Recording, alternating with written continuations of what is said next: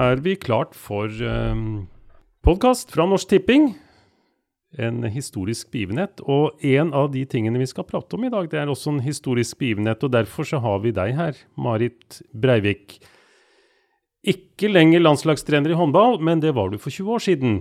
Det stemmer, ja. og um, i tillegg til deg, da, så uh, har vi Tonje her. Vår egen uh, kommunikasjonsdirektør. Uh, for mange enda mer kjent som en gigant på håndballbanen. Hvordan ser du på å bli omtalt som det? Vel, en gigant i høyde, den kan jeg i hvert fall være helt enig i. Og, og så hadde jeg både mine oppturer og nedturer på, på håndballbanen. Men jeg har i hvert fall fryktelig mange gode minner fra, fra de åra jeg var i håndballen. Marit, eh, start med deg. Du, eh, Sånn ansiennitetsmessig så passer det bra. Um, du er jo ikke bare tidligere håndballtrener, du er jo landslagsspiller i håndball du også. På 70, vi bikka vel over i 80-tallet òg, kanskje? Ja, jeg var vel med i landslagsmiljøet fra 1975 til 83. Så hadde jeg en liten pause et års tid eh, mellom to trenere.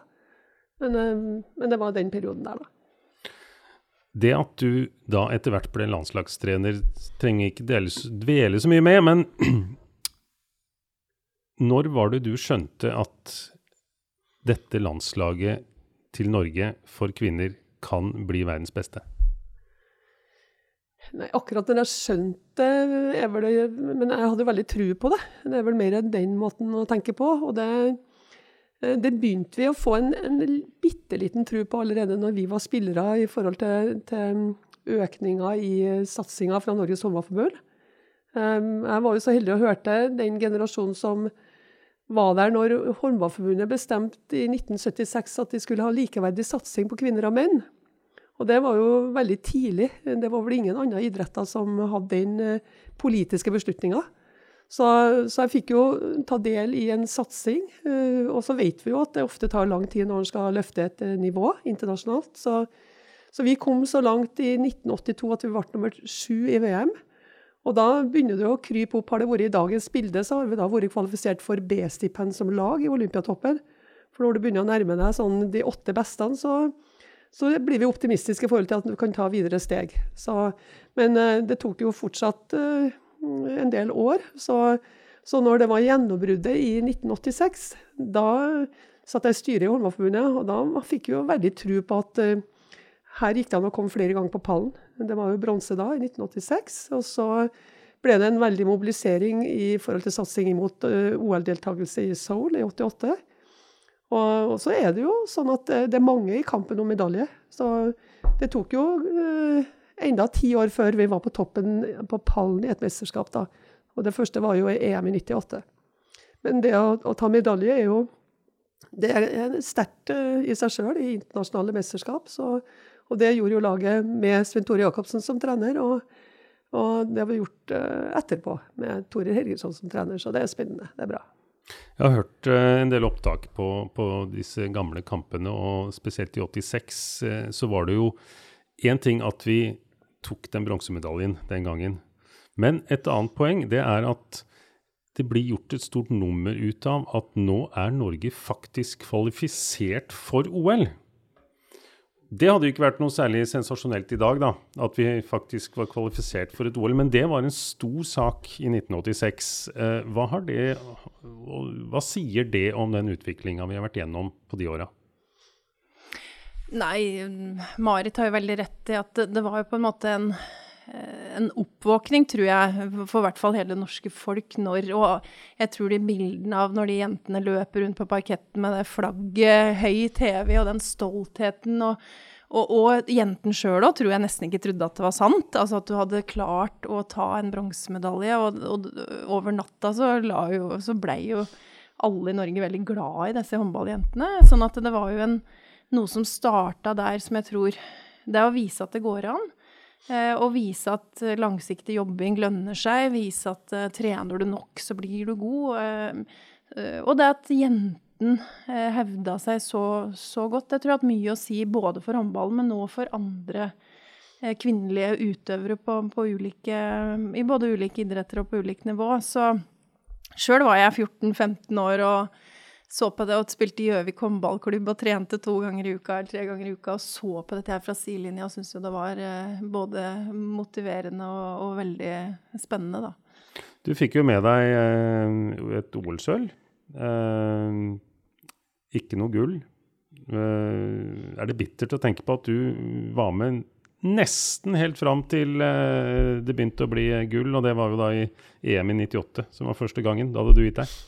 Nei, eh, ikke bittert i det hele tatt. Jeg hadde flotte år i, i, eh, i, håndballen og fikk med meg mange veldig spennende mesterskap. Og så, så kom jo gulla omtrent rett etter jeg ga meg, og da, da klarte Marit å, å, dra det laget helt til topps. Og, og det er en forskjell på å ta bronse og sølv og ta det gullet. Og jeg tror òg, det vet jo Marit bedre, men det at den faktisk gikk til topps etter å ha vært veldig nære flere ganger, det tror jeg òg var viktig for at at jentene så at uh, de kunne bli både uh, best i Europa og best i verden. Uh, så det har vært gøy å følge fra sidelinja. Og så ser, og igjen folk flest på toppen av isfjellet, de ser mesterskapet og de ser medaljene, og så veit både Marit og jeg hvor mye som ligger bak. Så når en velger å gå ut av det, så er det jo det er mer enn mesterskap. Hvor mye ligger bak da, Marit? For uh, spillerne så, så, er det jo uh, det er ganske altoppslukende, for du skal være dønn til stede i klubben din hver eneste dag. På det, gjerne på det høyeste nivået. Og det betyr jo i dag at uh, skal du ha en, en, en, veldig sterk rolle i et landslag, så betyr det at du skal ha en sterk rolle i et klubblag på internasjonalt nivå. Så, så det, det, er ganske så altoppslukende i forhold til Uh, heldigvis er det bedre betingelser, så de kan, de kan uh, hvile mer imellom. Men uh, det er jo nesten hver eneste helg gjennom hele året, enten klubb eller landslag. Så, så, da er det, du må like det livet, og du må helst være sammen med noen sosialt og familiemessig som liker å dele det livet med deg. For ellers så greier du ikke å holde på veldig lenge. Men, men, så det, det er tidkrevende. For unge håndballspillere i dag som ser det samme som Tonje så, da og har lyst til å være en del av dette her om noen år. Uh, hvor mange er det som, tror du, er klar over hvor mye som må forsakes? Jeg tror ikke, jeg tror ikke den kjenner det som forsakelse. Jeg tror den, eh, det blir en passion og en lidenskap som gjør at du, du, du gradvis øker den innsatsen som trengs for å, for å, bli på det nivået der. Og enten så er det sånn at du napper på og liker det, eller så er det sånn at ja, nå er det nok, nå har jeg holdt på i ti år, nå er det nok, nå vil jeg gjøre noe annet. Så, så det der er jo, og, heldigvis så er det jo et veldig personlig valg. Så, og, og, med all respekt for det personlige valget, enten du velger liksom å dedikere deg i så lenge som du overhodet kan, eller om du vil eh, si at nå har jeg prioritert toppidretten lenge nok, nå vil jeg tenke mer jobbutvikling, familie osv. Så, videre. så Så du vil bli gradvis eh, både tilvendt og kjenne på om det er her du vil. Og det, det, er mange jenter som vil det. Og mm. det er fantastisk innsats um, på tidlig tidspunkt når de begynner å kvalifisere seg inn i, i aldersbestemte landslag. Så får de litt smakebit på det.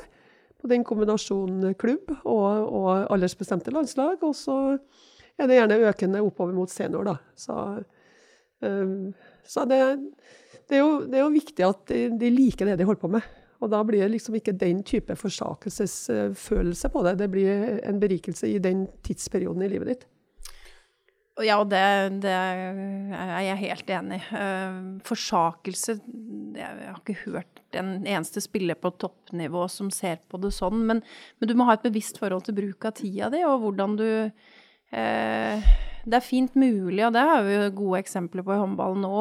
De som klarer både å kombinere toppsatsing, det er jo kanskje starte et utdannelsesløp. Eh, det er jo til og med spillere som blir, blir mamma og fortsetter å spille etterpå. Sånn at vi har jo en kultur nå der, der det ikke nødvendigvis er et sånn enten-eller, men, men det er klart at Går du først inn i det å skulle spille på et landslag, og i, i Norge som ligger høyt oppe og som slåss om medaljer så å si hvert eneste mesterskap, så, så, går du 100% inn for det, og ellers er det ikke noe gøy. Eh, og jeg syns jo det som har vært bra med, med håndballen og med landslaget, er jo at de aller, aller fleste, eller alle, som trekker den landslagsdrakta over huet, er så stolt av å være en del av av det, og, og en veit hva det koster. Og, og, du har jo en forpliktelse for alle de du spiller sammen med på er du først med og takker ja til den, den rolla, den plassen, da gir du gjerne eh, på trening, på, på kamp, og du, du, tilpasser på en måte livet ditt etter det.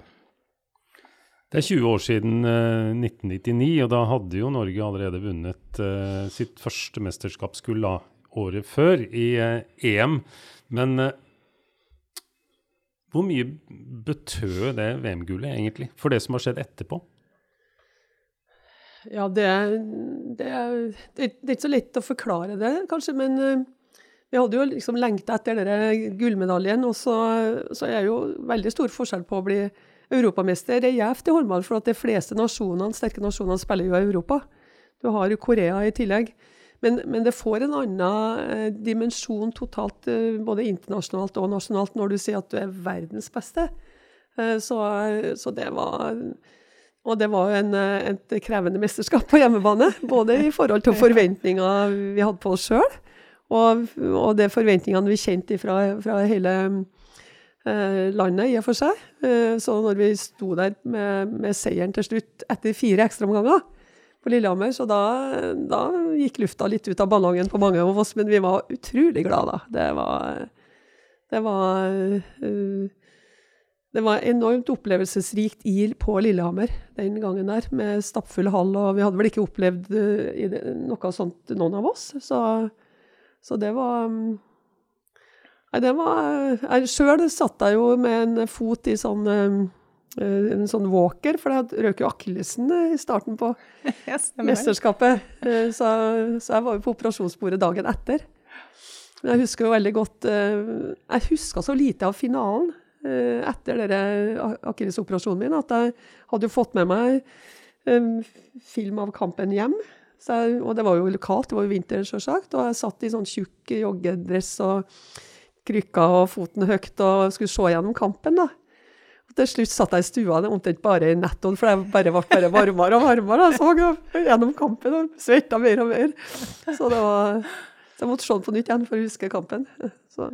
Ja, du, du, fikk ikke anledning til å løpe rundt med flagget, sånn som Sven Tor Jacobsen gjorde noen år tidligere der? Jeg har vel, jeg har vel kanskje ikke kommet til å gjort det likevel, men, eh, men eh, det, var, det, var, jo mye begeistring der, så jeg var jo med på jubelen, så klart.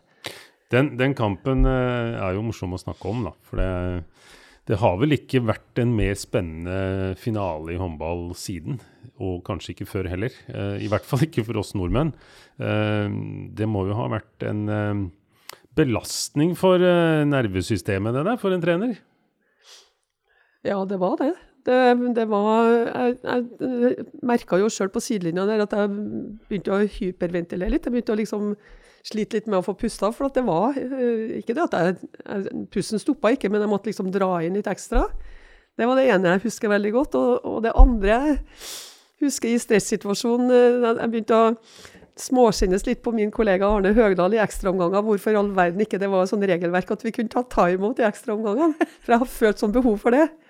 Men eh, det, det var det jo ikke mulig. Så. Og det tredje som, som jeg har blitt litt sånn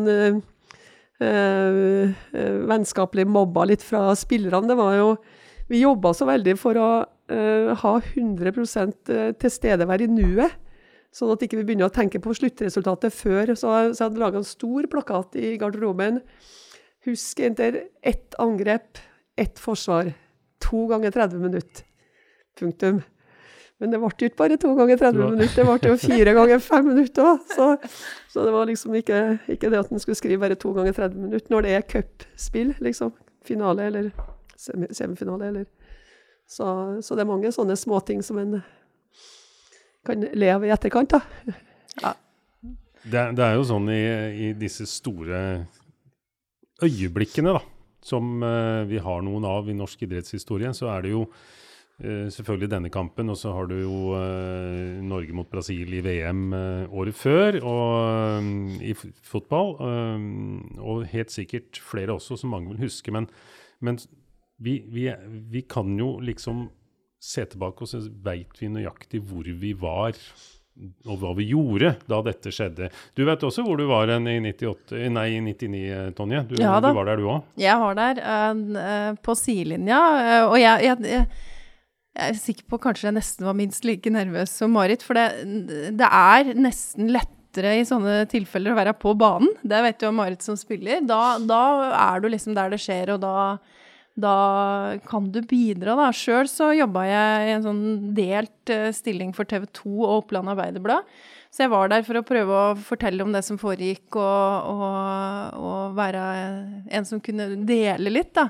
Og jeg husker jo at jeg var både svett og varm og sprang imellom, og, og den finalen hadde jo virkelig alt. Sånn at uh, på hjemmebane 12 000 tilskuere, det var Det kokte. Sånn at uh, jeg tror jeg hadde puls på lignende med flere av jentene på banen. Jeg var uh, kjempenervøs og ja, kjente på det. Og når det da gikk som det gjorde, så var det en helt, helt fantastisk opplevelse.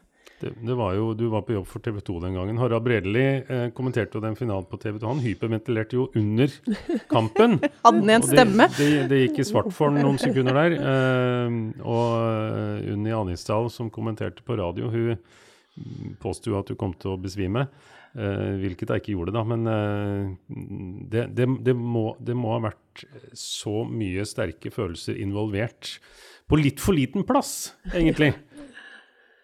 Ja, du har hatt mye større plass til de følelsene. Ja, det er sant. Det, men jeg har jo hørt mange, mange som både har hørt på radio og sett på TV etterpå, som har noen har måttet ha gått ut av stua. og jeg tror det, De fikk inn pasienter på hjerteavdelingen på Ullevål. Mm. Og, så det var drama. Mm. Eh, og, og, det er jo det fine med idrett nå, at det fenger. sant? Mm. Og, og, vi er jo heldige synes jeg, med håndball, som er en, en veldig actionidrett. Så det skjer så mye i løpet av en kamp. Og så var jo skifte fort. Ja, så var jo motstanderen, ikke sant. Det var Frankrike, det var mye profiler også i det franske laget. Og det var jo noen sånne klare kamper i kampen. Altså, det, det var jo mye å ta tak i der. Og så hadde vi jo enkeltspillere i den norske troppen som, som, folk var fryktelig glad i, og som vi hadde høye forventninger til. ikke sant? Og jeg, jeg husker jo en Kjersti Grine som ikke var spesielt god i denne finalen, men liksom når det virkelig dro seg til Og slutten der, ja. Og slutten, og da var det akkurat som når du sto og så på, det var det, det, det du ser hos topputøvere da, som, som har dette ekstra giret, og som, som, klarer å liksom nullstille, da. Ja. Eh, og glemme de skudda du har brent, og, og liksom da treffe på når det virkelig gjelder, da. Så Samba var jo litt med Susann, ikke sant. Sånn at det var Nei, fantastisk. Ja, for Susann var jo ikke med i EM året før pga. korsbåndskade. Og så hun kom jo egentlig ganske seint i form, mm. så det, hun hadde jo heller ikke hatt noe sånn god inngang i hele mesterskapet. Sto over noe, eller ble jo satt ut noen kamper. Men så har hun liksom den stigningen i semifinalen og finalen som, som en uh, ordentlig sånn vinnerskalle mm. kan ha. Mm. sant? Og, og og gjorde flere kloke valg som bidro til at det løsna på slutten i ekstraomgangene der òg. Altså det, nei, det, det, er jo, det, er jo, gode minner for en trener å se tilbake på. Og så sitter det veldig i eh, Håndballforbundet inviterte jo tilbake eh, gullvinnerne fra 99 og, og OL-vinnerne. Eh, og det, det, var, det var yr stemning når de jentene møtes igjen. Etter dette så, så vant jo uh, Norge flere ganger. Uh, og det ble OL-gull og flere EM-gull. Uh, og det har det jo fortsatt med, også etter at du ga deg som trener. det at du da som et lag Du var inne på det i stad. Det tok jo noen år fra den bronsen i 86 til det første mesterskapsgullet kom. Eh, men er det noe som da løsner i et lag, i en mentalitet i laget, når, når det først skjer en gang?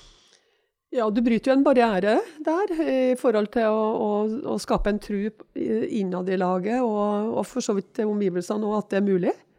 Og, og, så er det jo uh, viktig igjen å, å, å, jobbe på en sånn måte. Jeg hører mange snakke om at du skal forsvare ting. Vi har jobba veldig offensivt på at ingen tar fra oss det gullet vi har tatt én gang. Så, så, det trenger vi ikke å forsvare. Vi kan angripe et nytt. Og, og der syns jeg Kjetil André Aamodt har sagt det så fint i den boka han skrev eh, 'Den neste er den beste'. Så det å få liksom en sånn offensiv holdning til at nå er det en ny mulighet, og den syns jeg vi har greid å skapt eh, og jobba mye med, og den uh, hører jeg de, de, jobber fortsatt med. Det er liksom å komme seg i angrepsposisjon, sjøl om en har vært best. Det, um, og Det er jo også sånn at eh, det å opprettholde en sult til de som har vært med på det mange ganger, eh, det virker som det, det ligger veldig sterkt i laget. Og så kommer det jo noen nye sultne inn. eh, i spillergruppa som, som gjerne òg har lyst til å være med på dette her, og, og, og, egentlig ikke bare være med på lasset til de andre, men være med å skape det nye resultatet. Så, så det syns jeg det, det, virker som en veldig sånn intensivt trøkk på i dagens lag òg. Det å skulle gjøre de endringene uh, for en trener, å skulle se at den spilleren som har vært så god for oss i så mange mesterskap, så mange kamper, nå skal erstattes med noen andre. Hvor, uh, hvor lett eller vanskelig er det å ta de avgjørelsene og ha den følelsen av at dette er det riktige å gjøre nå? Det kan være veldig vanskelig, og, og, heller ikke lett å være sikker på når timinga på det eh, er riktig. Eh, så nå er det jo sånn at du jobber gjerne Du er ferdig med ett mesterskap, så som landslag så jobber du i hvert fall i ett år, og du kanskje du jobber enda litt flere år. Så, så det er jo en, en, sånn gradvis utvikling. Og så vet vi jo heller ikke uh, utviklinga på når den stopper. Eh, det kan være en liten pause, men så kan det jo være ting som skjer, at du kan få en ny utvikling igjen. Så, så jeg er jo sånn i utgangspunktet tålmodig på en sånn prosess. Og, men så kommer du til et, et, et uttakstidspunkt, eh, og det jo alltid, kan jo være et dilemma da på eh, hvor viktig er den spilleren til å skape det første resultatet? Hvilken spiller skal vi eventuelt ha med oss på litt lengre sikt? Så, så det er alltid en avveiing. og det kan være noen såre eh, prosesser. Uh, og det er jo alltid noen som blir skuffet i forbindelse med et mesterskapsuttak.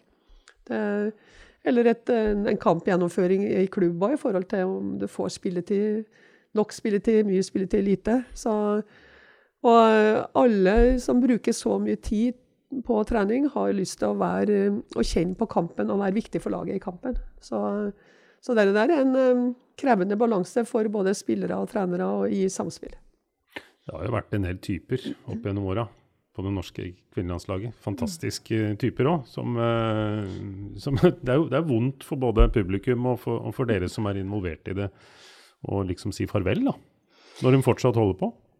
Ja, det er det, men det er jo som Marit sier òg, at uh, han har i hvert fall sett nå at det er spillere som mange er med såpass lenge at, eh, at eh, både trenere og de som følger med, ser jo at det kan svinge, og at du kan ha et dårlig mesterskap, men komme sterkt tilbake i et neste. Og det samme gjelder jo de som er skada og, og, kanskje er ute et mesterskap. Så er du ikke nødvendigvis ferdig da. Han har jo mange eksempler på de som trener seg opp igjen etter alvorlige kneskader og den type, og kommer tilbake igjen. Og så er dette en del av dynamikken. og og, jeg tenker jo det er det som er så eh, rett fram med å være på landslag. Det er det beste nivået som fins. Eh, det er en trener som, som, avgjør det til sjuende og sist, og det er jo Er du ikke ansett som Kvalifisert. Kvalifisert, så er det egentlig greit. Altså, da må man forholde seg til det. Da. Enten da så må man tenke at nå vil jeg gjøre noe annet, for det er dette her, nå, hvis jeg ikke får den inngangen nå, da har jeg lyst til å gjøre noe annet. Eller så er det å bite tenna sammen da, og bevise det motsatte. Eh, og det syns jo jeg har vært bra, fordi at i hvert fall Marit eh, De gangene du blei satt på benken eller ikke fikk være med, så, så, var det jo lov å være skuffet, men du måtte liksom parkere deg og nettopp ta den. Enten da bite i det og, og, jobbe sammen med resten av laget og, og støtte opp. Det er jo òg en del av det. Du skal klare å være en, en, en som heier fram resten sjøl om du er skuffa på egne vegne. Sånn er, det er jo liksom hele dynamikken i et lag. Eh, og, og jeg tror den brukte jo Marit veldig mye tid på det. og og, og, dyrke nettopp fram at du er en del av en helhet som er avhengig av enkeltspillene, selvfølgelig, men, men, det er liksom ingen som er viktigere enn laget eh, til sjuende og sist. da. Ble de forbanna på deg innimellom, eller? Ja, sikkert enda mer enn det jeg fikk eh, tilbakemelding på. Men og det, jeg har jo vært spiller sjøl, og vært oppe i akkurat samme følelsessvingningene på det området der. Eh, og det skal jo være sånn at en spiller skal jo ha lyst til å, å være så mye som mulig på banen, og ha den ambisjonen. Og så er det jo litt som Tonje sier, respekt for rolla. Det, det tilligger treneren å gjøre den disponeringa av, av, det mannskapet eller de spillerne du har til enhver tid. Og så syns jeg personlig at det er viktig at, at, det blir en åpenhet og en dialog på hva trenger du å jobbe mer med for å, å kunne få mer spilletid, eller, eller forsterke laget enda mer. sånn at det blir veldig konkret og tydelig for spilleren. Og så er det jo ikke alltid at spilleren er enig i de vurderingene. Men uh, da blir det jo igjen, eh, som Tonje sier, at eh, hvis, hvis, spilleren blir veldig uenig, så er det nesten valget en har da, er å si at ja, men da er ikke landslaget noe for meg.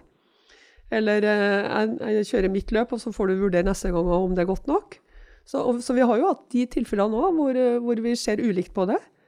Og, og sjølinnsikten er annerledes enn den innsikten jeg har, og vurderinga jeg gjør.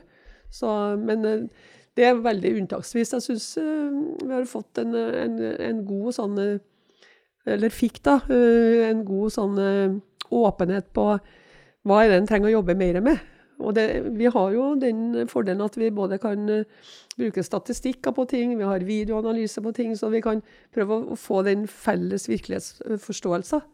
Og, og, kjennskap til hva er det laget ønsker å utvikle. og Dermed så, så blir de individuelle oppgavene veldig tydelige slipper ikke helt den 99-finalen, for det fikk vel inntrykk av at uh, da var Norge best i verden på håndballbanen. Men den var vel i verdenstoppen på feiring òg, etterpå? Jentene? Det husker jeg ingen. jo, det var en skikkelig bankett, det. det var vel, jeg kan ikke tenke meg noe annet. Det var, det var, det både i 98 og 99. Og de gangene det har vært grunn til å feire, så um, og jeg setter ikke noe brems på feiringa heller, tror jeg. Men jeg husker jeg var med de krykkene og den uh, walkeren og den akillesen, så begrensa det seg litt, da. Men um, vi feira godt. og uh, Sånn som jeg kan huske det, så, så, tror jeg det var en ganske så lang natt, ja. det skal det være. Jo, det er klart at det er og, og, så er den jo òg eh, Nå har jeg aldri vært med og tatt gullet, men jeg har jo spilt noen finaler. Eh, og du er jo ganske tom eh, når, når, det er over, enten du har vunnet eller tapt. For det er klart at det har vært masse spenning i, i kroppen, og, og en har forberedt seg lenge til dette her, og så er det over. Bare den følelsen at nå er det over. Altså mange, mange, mange, mange måneder med jobbing og, og forberedelser, så er det liksom slutt. Og det, det, er klart at det er både da deilig, men òg litt vemodig. Eh, og det er jo gjerne et sånn et punkt hvor, hvor du veit at noen muligens eh, slutter, eller, og noen skal med videre. Så, så, en finaledag eh, i et mesterskap er jo en spesiell dag uansett. Nå har vi jo store forventninger eh, egentlig hvert eneste år da, til det norske laget når det er mesterskap, om det er OL eller VM eller EM. Eh, og det har vi jo nå. Det er jo et mesterskap som begynner nå hvert øyeblikk. Eh, er det grunn til å ha like store forventninger eh, i år som vi har hatt eh, tidligere år? det går an å si både ja og nei på det, men si, laget var jo ikke, ikke, topp fornøyd med resultatet i EM i fjor, hvor det, hvor det første tapet blir såpass skjebnesvangert at selv om de da Eh, spiller bare bedre og bedre og bedre gjennom turneringa, så ender det med en femteplass. Eh, og når du har som ambisjon om å kjempe om medalje, så, så er jo statusen er jo dårligere enn det de har ambisjon om. Eh, og så er vi i en situasjon hvor, hvor det er en del ti, sentrale spillere som er ute med skade. Men så ser vi på de jentene som er tatt ut nå til, til VM, det er utrolig mange gode spillere. Og så er det kortere og kortere tid sammen i landslag. Men eh, nå er det en eh, sånn tidagers eh, pre-camp i Japan, hvor de skal tidsakklimatiseres og bruke tida godt i forhold til den samspillutviklinga inn mot eh, VM-starten. Uh, og det som er fantastisk, uh, og som har blitt bare sterkere og sterkere med, med Torir Hergersson i, ved rattet, er jo å intensivere den trua på at du kan bli litt bedre for hver dag i mesterskapet. Og det syns jeg de har uh, demonstrert gang på gang.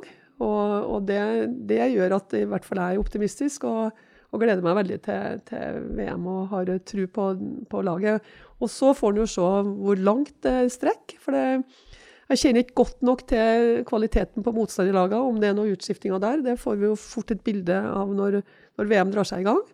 Så, så, men det er, jo, det er jo en del det er alltid en intensitet året før OL på å kvalifisere seg til en OL-plass. og Det er verdensmesteren som er direkte. Og så er det å bli blant de sju beste for å kvalifisere seg til en OL-kvalifisering. Og Den kampen der er intensiv nå i, i kommende VM, så, så, der har Norge lyst til å være med.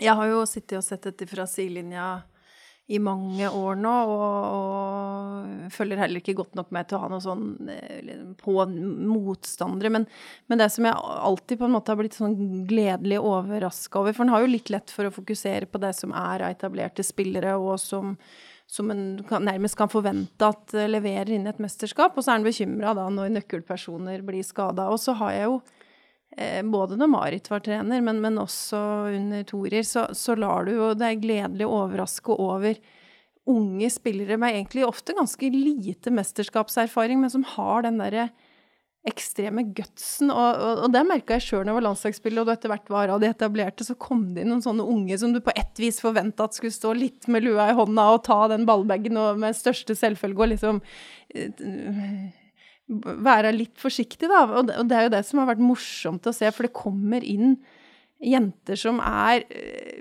proppa sjøltillit, og som, som, eh, som, leverer sjøl om de kanskje ikke har all verdens mesterskapserfaring. Og, og, det er jeg helt sikker på vi kommer til å se nå. Og nå er det jo en god blanding av Det er fortsatt eh, rutine, det laget her. Det er spillere som har vært med kjempelenge, og som har mesterskapserfaring. Og så er det en mulighet for å åpne opp for nye. Og jeg er jo helt sikker på at vi, vi, det blir spilleren som får jokerposisjoner også i dette mesterskapet, som en kanskje vet mindre om.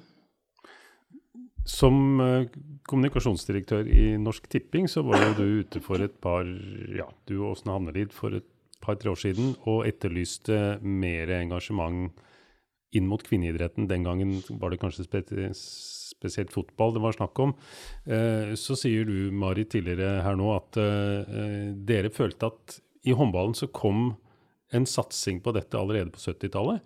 Eh, er, er, det, det som gjør at håndball så tidlig fikk den posisjonen blant kvinneidretter i Norge?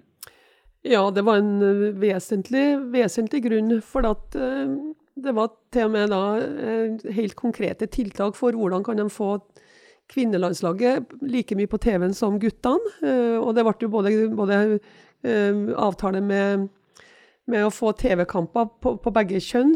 Eh? Sånn, og Håndballforbundet måtte betale for å få kampene på TV i starten. Og, og det ble lagt en, en, god strategi på hvilke type motstandere skal vi invitere hjem til Norge. Hvilke type cup, altså polarcup som det het i starten. Og da måtte vi òg betale uh, Sovjet, DDR, for å komme hit, altså dekke reiser og alt det der. Uh, for, å, for, å, hente det beste nivået som vi kunne, vi kunne lov, vi spillerne kunne få lov til å spare oss på. Så, så det, det, tror jeg var, det var viktig å bygge opp et uh, landslag som kunne være et flaggskip. Og den byggeprosessen der varte Og den, den, er jo fortsatt et trøkk på. Og den, det tror jeg òg og, og, det var ikke på bekostning av herrelandslaget, det var to parallelle løp. Og, og, så har det tatt litt lengre tid med guttene, men nå ser vi at begge lagene er, er i front i verden. Og, og nå gjelder det jo liksom å, å, tenke hvordan skal de opprettholde det nivået for begge mm. lagene. For det er jo det er flere nasjoner som satser mer. Og, eh, og så var det en, en timing der når, når når jernteppet og den profesjonaliteten som var i Øst-Europa, falt. Sant? Så, så, sånn var det jo en, en timing der uh, i, i uh, slutten av 80-tallet som gjorde at det var mulig å konkurrere på litt mer like vilkår med en del andre av de sterke nasjonene. Mm. Og det var jo 86 første gangen vi slo DDR i et mesterskap.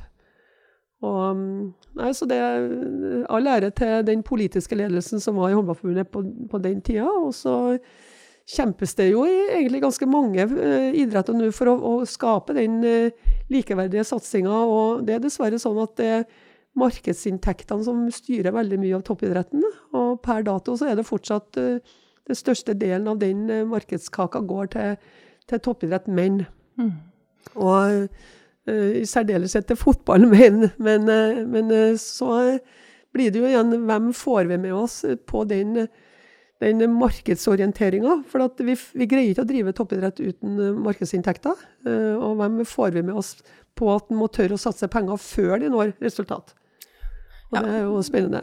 Ja, og, og, dette har jo jeg Altså, jeg var jo aldri en del av den tida der Altså, når jeg var landslagsspiller på 90-tallet, da, så det slo meg jo aldri at ikke jeg skulle ha de samme muligheter for å trene, at jeg skulle få det samme oppfølginga, den samme utstyrsmuligheten. Og så Eh, så jeg tok det for gitt. Det var en selvfølge, og det var jo brøyta vei lenge før, før tid. Eh, og når du da eh, sitter og jobber i Norsk Tipping, og, og, vi begynte å se at Og det, det ble jo veldig tydelig at når en da så til særlig fotballen, da, som vi valgte å, å, gå på banen og kommentere, så, så så du at der var forskjellene altså så veldig store på sånn helt elementære ting som banemuligheter, utstyr, oppfølging, gode nok trenere, eh, satsing ned mot yngres landslag.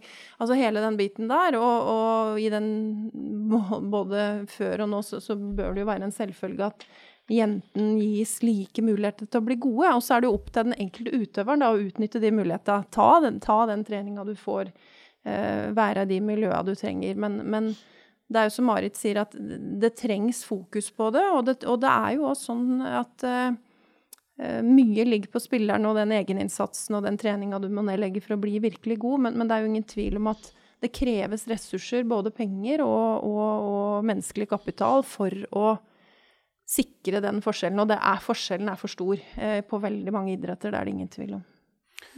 Og så kommer det jo Alt dette her kommer jo fra et sted. Det kommer jo fra en, eh, en far eller mor i en hall når det gjelder håndball, som stiller opp for sin fem, seks, sju år gamle datter eller sønn. Eh, og da er vi over på det som eh, vi kaller for grasrot. da. Eh, og med, med, forskjellige løsninger eh, som finnes nå, grasrottrener som det heter. Eh, Tonje, hva, ligger det en sånn langsiktig tankegang bak det? Så jeg tror vel det er sånn i alle idretter, og det tenker jeg er bra. Og at blant de helt minste så er du avhengig av engasjerte foreldre som, som enten er trener, eller som uh, bærer flasker, som trøster de som gråter, eller, eller som bidrar på dugnad, rett og slett. Uh, sånn at den type engasjement, den er i norsk idrett helt avhengig av, og, da må man sørge for da at den stiller de, de, som frivillig tar på seg den type jobb, eh, i en posisjon til å gjøre en god jobb. Og det har noe med den som skal utøve en trenerrolle òg. Og derfor så har jo vi i Norsk Tipping prøvd å satse på grasrottrener, mot fotball og ski nå i første omgang, men, men der en liksom gir en dytt til de som ønsker å på laveste nivå. Og så kommer det jo Eh, et tidspunkt der du er avhengig av andre typer trenerressurser. Eh, men det er nå i hvert fall et forsøk på å synliggjøre den frivillige innsatsen og sette pris på den da, for de som, som bruker masse fritid. Jeg veit jo, Marit, du er vel trener for, eh, for, noen mindre. Det er vel ikke akkurat en typisk grasrottrener, men, men det er klart det trengs. Jeg kan bare ta et, uh, drømmen min er jo at um, rike landet Norge skal kunne um, ha ressurser sånn at uh, de grasrottrenerne, de, de foreldretrenerne, kan støttes opp enda bedre. Mm. Sånn at uh, når jeg da har sagt ja til å være hovedtrener for Kjelsås jenter født i 2010, hvor jeg har Vilma som er bonusbarnebarn, i, og nå er det 56 jenter i den gruppa der som er på trening, én til to ganger i uka håndball. Da har jeg ni foreldre med meg i trenerteamet. Og fire foreldre i en trivselgruppe og to i halvprosjekt. og sånn at vi er, sånn, Til sammen er vi 19 i lederteamet for den uh, gruppa der. Og, og, og, jeg har jo god erfaring på organisering av trening og faglig innhold, og kan være med å dele uten at vi skal ta så mye tid ekstra. Men, eh, men og, og, se hvem er det som har litt erfaring, kan bygge på litt mer på det. Hvem er det som trenger litt. Så, så hvis vi har hatt eh, Og, og det, det, kan jo jeg ta meg tid til på min fritid. sant? Og, og hvis vi har hatt litt flere skolerte sånne personer inn i mm. hver klubb og, og, jeg kan gjøre det på fritida mi, men det kan være at det er en del situasjoner som kunne hatt x antall timer i uka på den type rolle. Eh, og betalt for det, så tror jeg at vi kunne ha styrka den foreldreinnsatsen veldig til, til det beste for ungene. Mm. Og målet er jo ikke uh, først og fremst at du skal, skal utvikle kjempegode utøvere, og sånn, men det er liksom å skape dere, både opplevelser, miljøet, mestringa, tilhørigheten. Uh, her blomstrer dem. Det, det, er i hvert fall noe som en del foreldre trenger å ha hjelp til, for de er, de er uvant til å forholde seg til, til både egne unger på, i den type grupper, og de er uvant til å håndtere andres unger. Så, så, det er spennende. Og jeg vil tro at verken Vilma eller noen av de andre niåringene som du trener, de aner ikke eller bryr seg noe særlig om uh, hvor mange medaljer du har skaffa til Norge? De har jo noen foreldre som holder på å putte på dem hvem jeg er, så, så de spør ganske mye. Men eh, så lurer de ganske ofte på hvor gammel jeg er. Eh, At de virkelig kunne ha vært landslagstrener eh, og er bestemor. men, de, men det er jo foreldrene som er mest opptatt av det. De ungene er jo opptatt av hva de kan få lov til å gjøre på trening. Og så er det, det er veldig inspirerende og artig. Og så er det kanskje noen av dem som om 10-15 år opplever å ta medalje i et uh, mesterskap. Og da kan uh, de som var grasrottrenere nå klappe seg på skulderen og føle at det en, har vært en del av det. Vi skal gi oss, men hvordan går det med Norge i eh, VM egentlig? Nå ser jeg på Marit, for jeg tror hun, eh, hun er bedre skikka til jeg, jeg har alltid tro på Norge, og, jeg, og Torir er, og det har jeg hørt sjøl, veldig flink til å på et vis nullstille, og så er han òg flink til å ikke stille for høye forventninger. Det har jeg sett han har vært ute og gjort nå, men, men at Norge Gitt at, eh, at eh, spillere lykkes, at de kommer greit i gang, og, og at de må Noe flaks er det jo ofte inne i bildet òg. Så har jeg alltid tro på at Norge har en mulighet til å være med og slåss i toppen.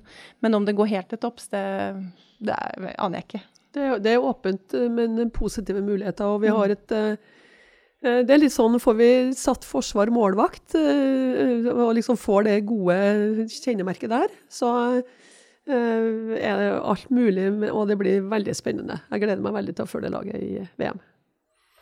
Takk skal dere ha, Marit Breivik og Tonje Sagstuen. Dette var en podkast fra Norsk Tipping. Vi går for gull i VM i Japan.